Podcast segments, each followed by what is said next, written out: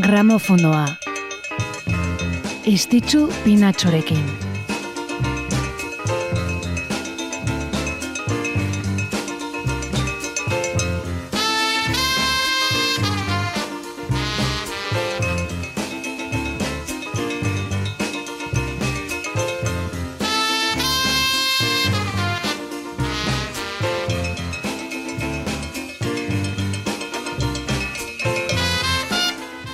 Udazkena ailetu zaigula dirudi, temperatura freskotxoagoekin eta tira, euriak ere bustidu azkenean Euskal Herria. Gehiegi gehiegi ere ez, bino, bueno, ea, tamaina hartzen dion. Azaroak bederatzi garrana du gaur eta sasoi honetan e, lentxeago iluntzen duenez, akaso guatzen edo guatzera bidean arrautuko zaituztegu bat bino gehiago. Tira ba, udazkeneko gau ilunetan nasi honetan e, konpaini egitera heldu garagu gaurko egunak utzitakoak zuekin errepasatzeko gogoz. Kantuak prez ditugu, beraz, has gaitezen ongi etorri gramofonora.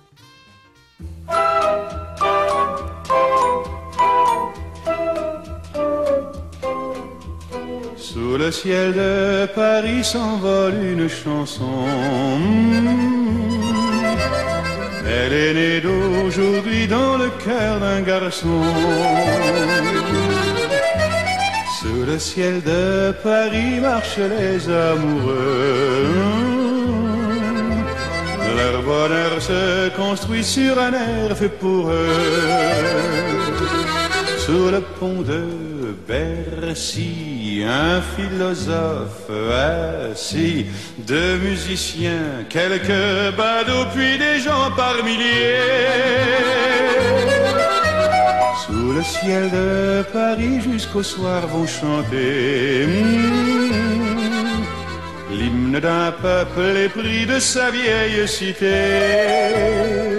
Près de Notre-Dame, parfois couve un drame.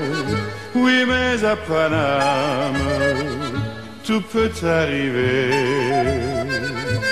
quelques rayons d'un ciel d'été, l'accordéon d'un marinier, l'espoir fleurit au ciel de Paris.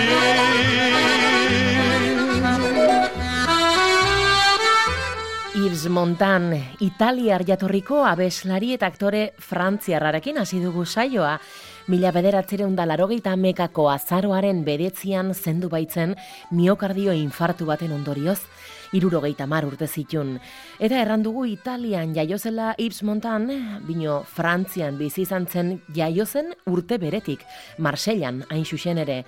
Montan Frantziako kantagintzaren zutabe garrantzitsu hoietako bat izan zen, dotorea, bera, interpretazio aztezinak eskaini zituena. Mino jendegoitik dakiena da, Edith Piafek deskubritu zula mila bederatzen da berrogeita lauan. Eta frantziar dama haundi honek Edith Piafek gonbidatu zula Ips gaztea bere emanaldietan parte hartzera. Ibilbide profesional baten hasiera markatu zorrela. Ondotik maitaleak ere izan ziren Edith Piaf eta Ips Montan.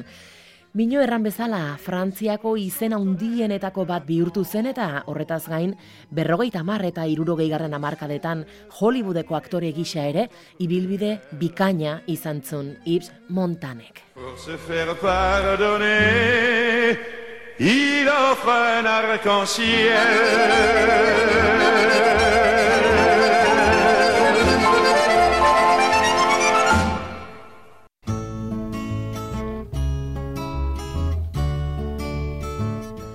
Peter Polan Mary irukotea da adituko ditugunak. Jarraian hoietako baten inguruan arituko garelako solasean. Puff the magic dragon lived by the sea and frolicked in the autumn mist in a land called Honolulu. Little Jackie Paper loved that rascal Puff and brought him strings and sealing wax and other fancy stuff. Oh, Puff the magic dragon lived by the sea and frolicked in the autumn mist in a land called Honolulu. Puff the magic dragon lived by the sea and frolicked in the autumn mist in a land called Honolulu. Together they would travel on a boat with billowed sail. Jackie kept a lookout perched on Puff's gigantic tail. Noble kings and princes would bow whenever they came. Pirate ships would lower their flags when Puff roared out his name. Magic dragon lived by the sea and frolicked in the autumn mist in a land called.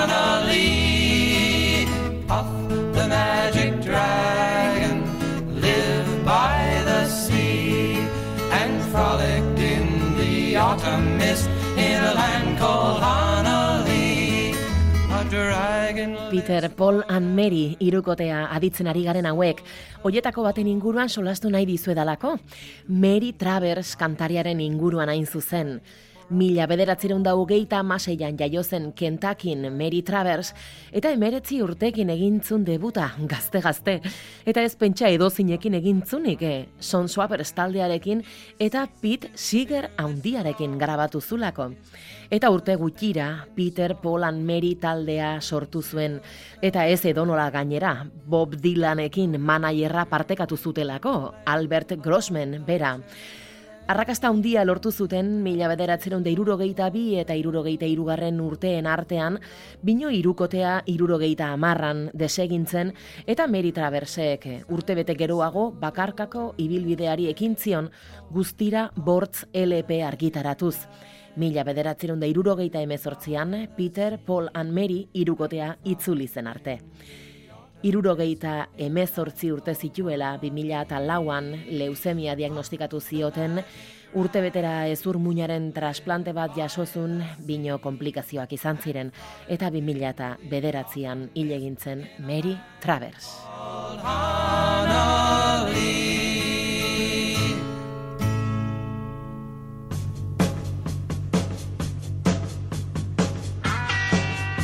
Eta pasaden astean jarri genizuen talde hau bai, pino gaur ere ezin genuen aipatu gabe utzi Creedence. Taldeko gitar jolea izan zen Tom Fogerty azaroaren bedetzikoa zelako.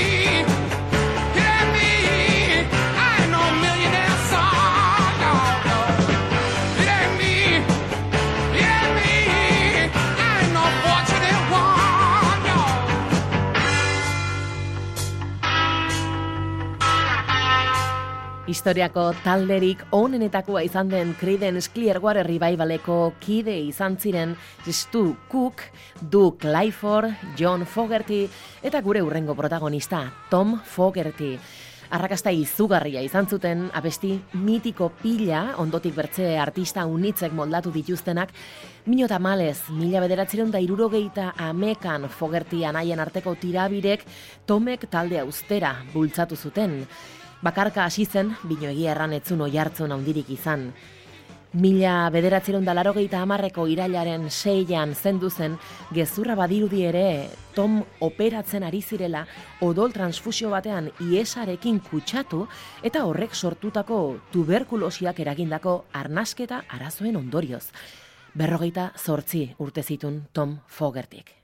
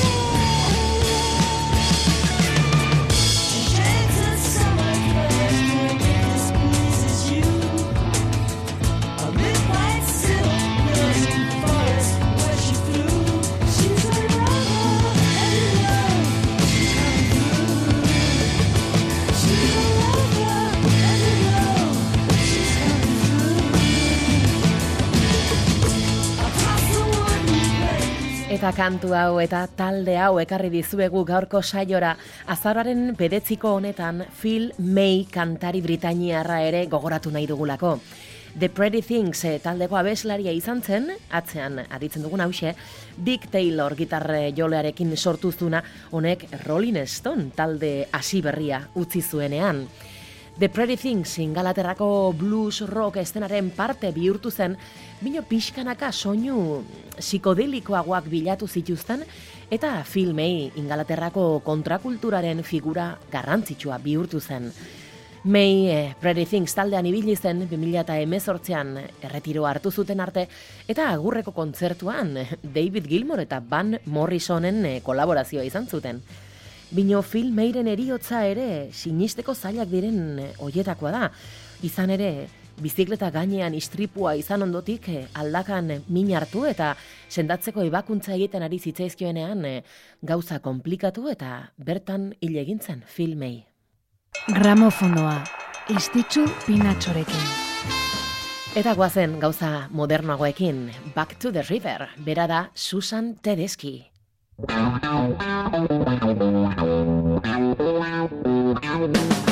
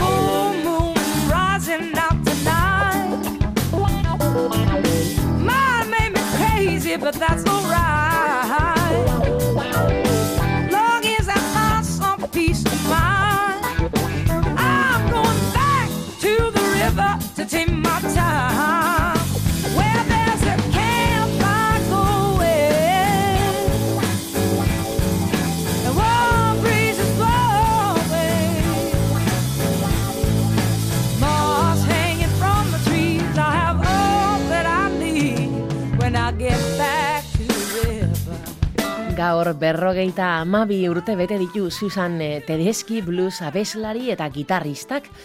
Berkeley College of Music entzutetxuan ikasi eta hainbat urtez kontzertu aretotan ibili zen Susan Tedeschi blues woman bezala kritika agitzonak jasoz, eh, Bonnie gogorarazten zuna hots urratu horrekin. Bino 2000 garren urtean erranen genuke ailetu zitzaiola ospea Susan Tedeskiri, urte hartan kaleratutako Just Want Born eh, albumari esker, Tedeskik eh, urteko artista berri onenaren izendapena lortuzun, poparen eh, izen handiekin batera, ala nola Britney Spears, Christina Aguilera, Kid Rock eta Macy Grayekin batera.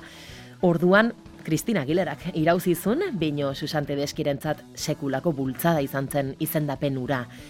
Dena den, ba, nahiko modu diskretuan eta apalean eraman izan du beti bere bidea tedeskik, sarien eta famaren eh, argietatik urrun, naiz eta izendapenak jasotzen jarraitu dun. Susan Tedeski.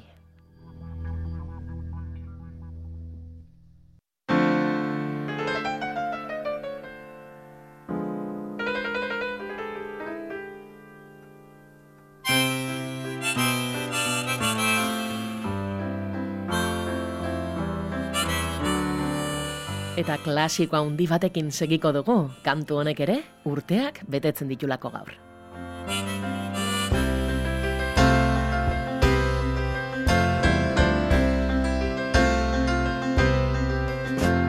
It's nine o'clock on a Saturday.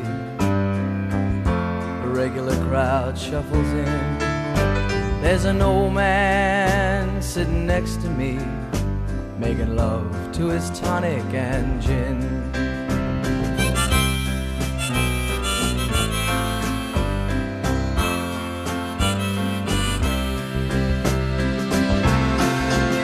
He says, Son, can you play me a memory? I'm not really sure how it goes, but it's sad and it's sweet, and I knew it complete when I wore a younger man's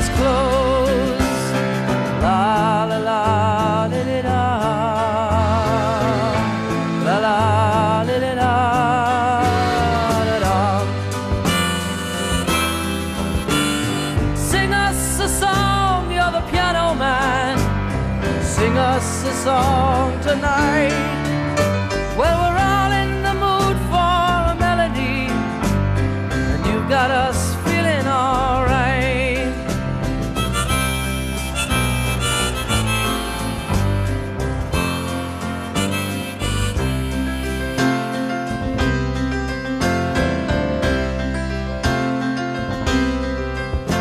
Now, John at the bar is a friend of mine. Gets me my drinks for free. And he's quick with a joke or to light up your smoke. But there's some place that he'd rather be. He says, Bill, I believe this is killing me. As a smile ran away from his face. Well, I'm sure that I could be a movie star if I could get out of this place.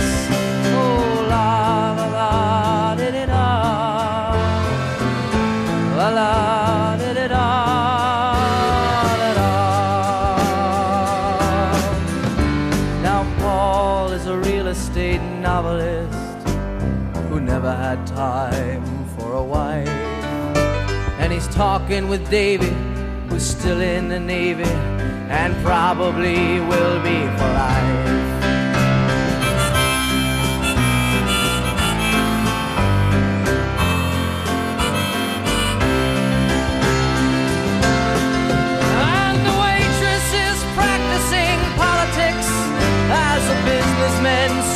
And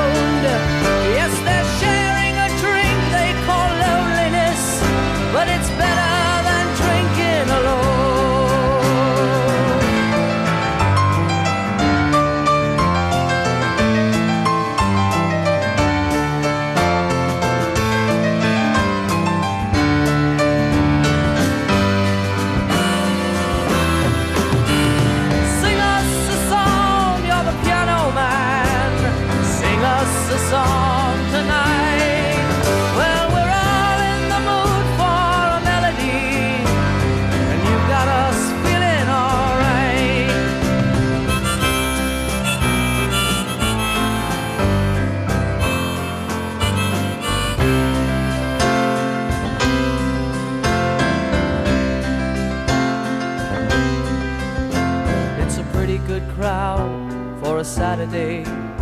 Piano Man, eh, Billy Joelen bigarren albuma izan zen, mila bederatzireun da irurogeita amairuan argitaratua, eta bertan kantu hau izautu genun diskoari izena emanez. Minu momentuan eh, Bilbordeko zerrendetan sartu bazen ere segitun erori zen eta estatuatuetako irratietan ere etzun presentzia hundirik izan. Bino irurogeita amazazpian Billy Joelek The Stranger albuma argitaratu zuenean ospea handia hartu zuen Billy Joelek eta bitxia bada ere piano men kantuak berriro indarra hartu eta bere errepertorioko arrakastatxuenetako bat bihurtu zen. Arrakastatxuena, seguru aski, gaur egunera arte gainera. Haunitzetan aipatzen dugun eh, Rolling Stone aldizkariko bortzeun kanturik onenen zerrendan ageri da Billy Joelen Piano Men. Mende erdia betetzeko puntuan gainera, gaur berrogeita bedetzi urte.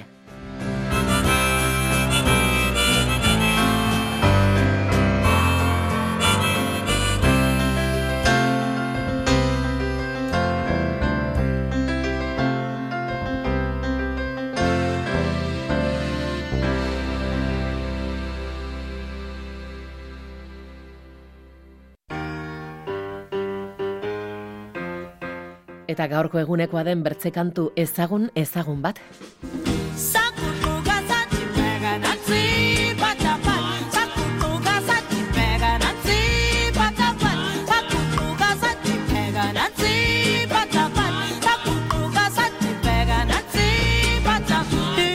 Pata pata afropop generoko abestia da Ego Afrikako folklorearen parte. Marian Makiba Ego Afrikar Miriam Makiba barkatu Ego Afrikar abeslariak nazio artean ezagun egintzuna. Patapataren bertsiorik ezagunena, estatu batuetan grabatu eta kaleratu zen, mila bederatzireun da irurogeita zazpiko azaroaren bedetzian. Miriam Makibaren eh, abestirik arrakastatxuena izan zen, eta arrezkero mundu mailako artista haunitzek abestu dute. we do down Johannesburg way.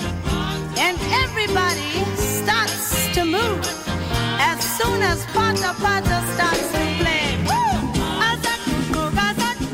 Pata pata abestiaren izenburuak ukitu ukitu erran nahi du xoxa hizkuntzan. Izan ere kantuaren bertsio originala xoxa hizkuntzan eh, idatzi zen. Bino horretaz gain, pata pata, Johannesburgoko suburbioetako taberna ilegaletan modan zegoen dantza estilo baten izena ere bada. Eta adiegon bazarete, Miriam Makibak kantuan kontatu digu nola dantzatzen den.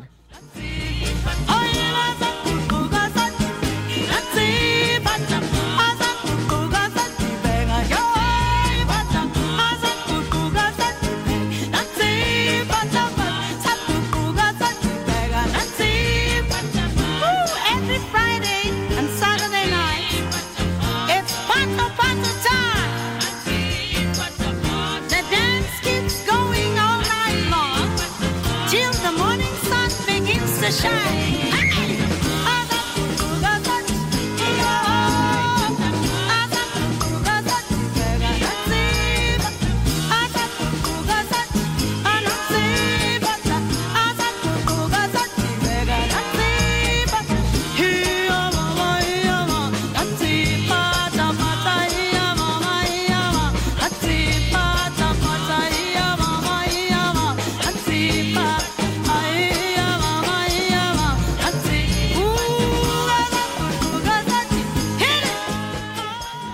Eta ailetu gara honezkero saioaren bukaerara, ordu erditxoko dosia izaten baita guria, bino amaierarako kantu potentea gorde dugu eta Euskal Herriko musikagintzan pixu haundia izan duen izen hoietako bat.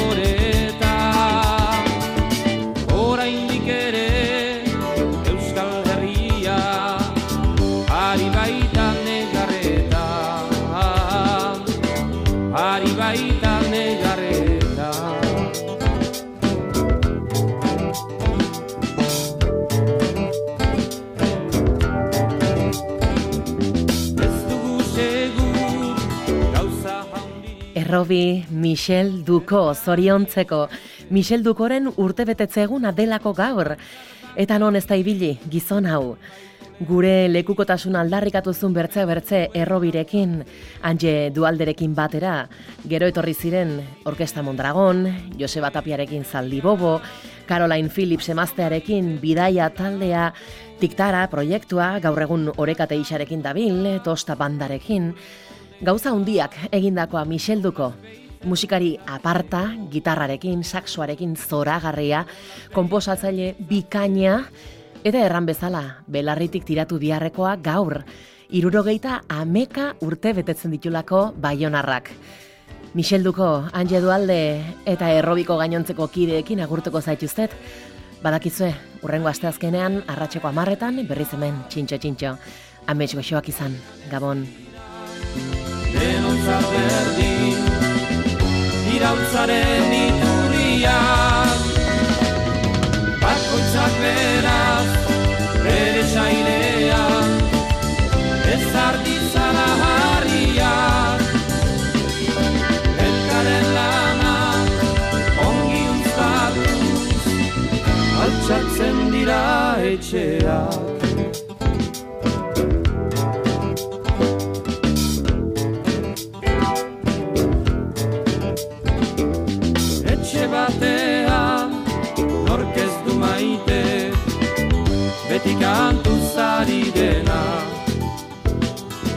Baina kantua ez da ez aski Egin behar ere lana.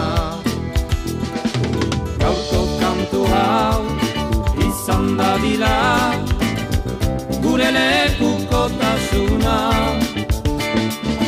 Burruka gaiten irabazteko Euskadin askatasuna. Burruka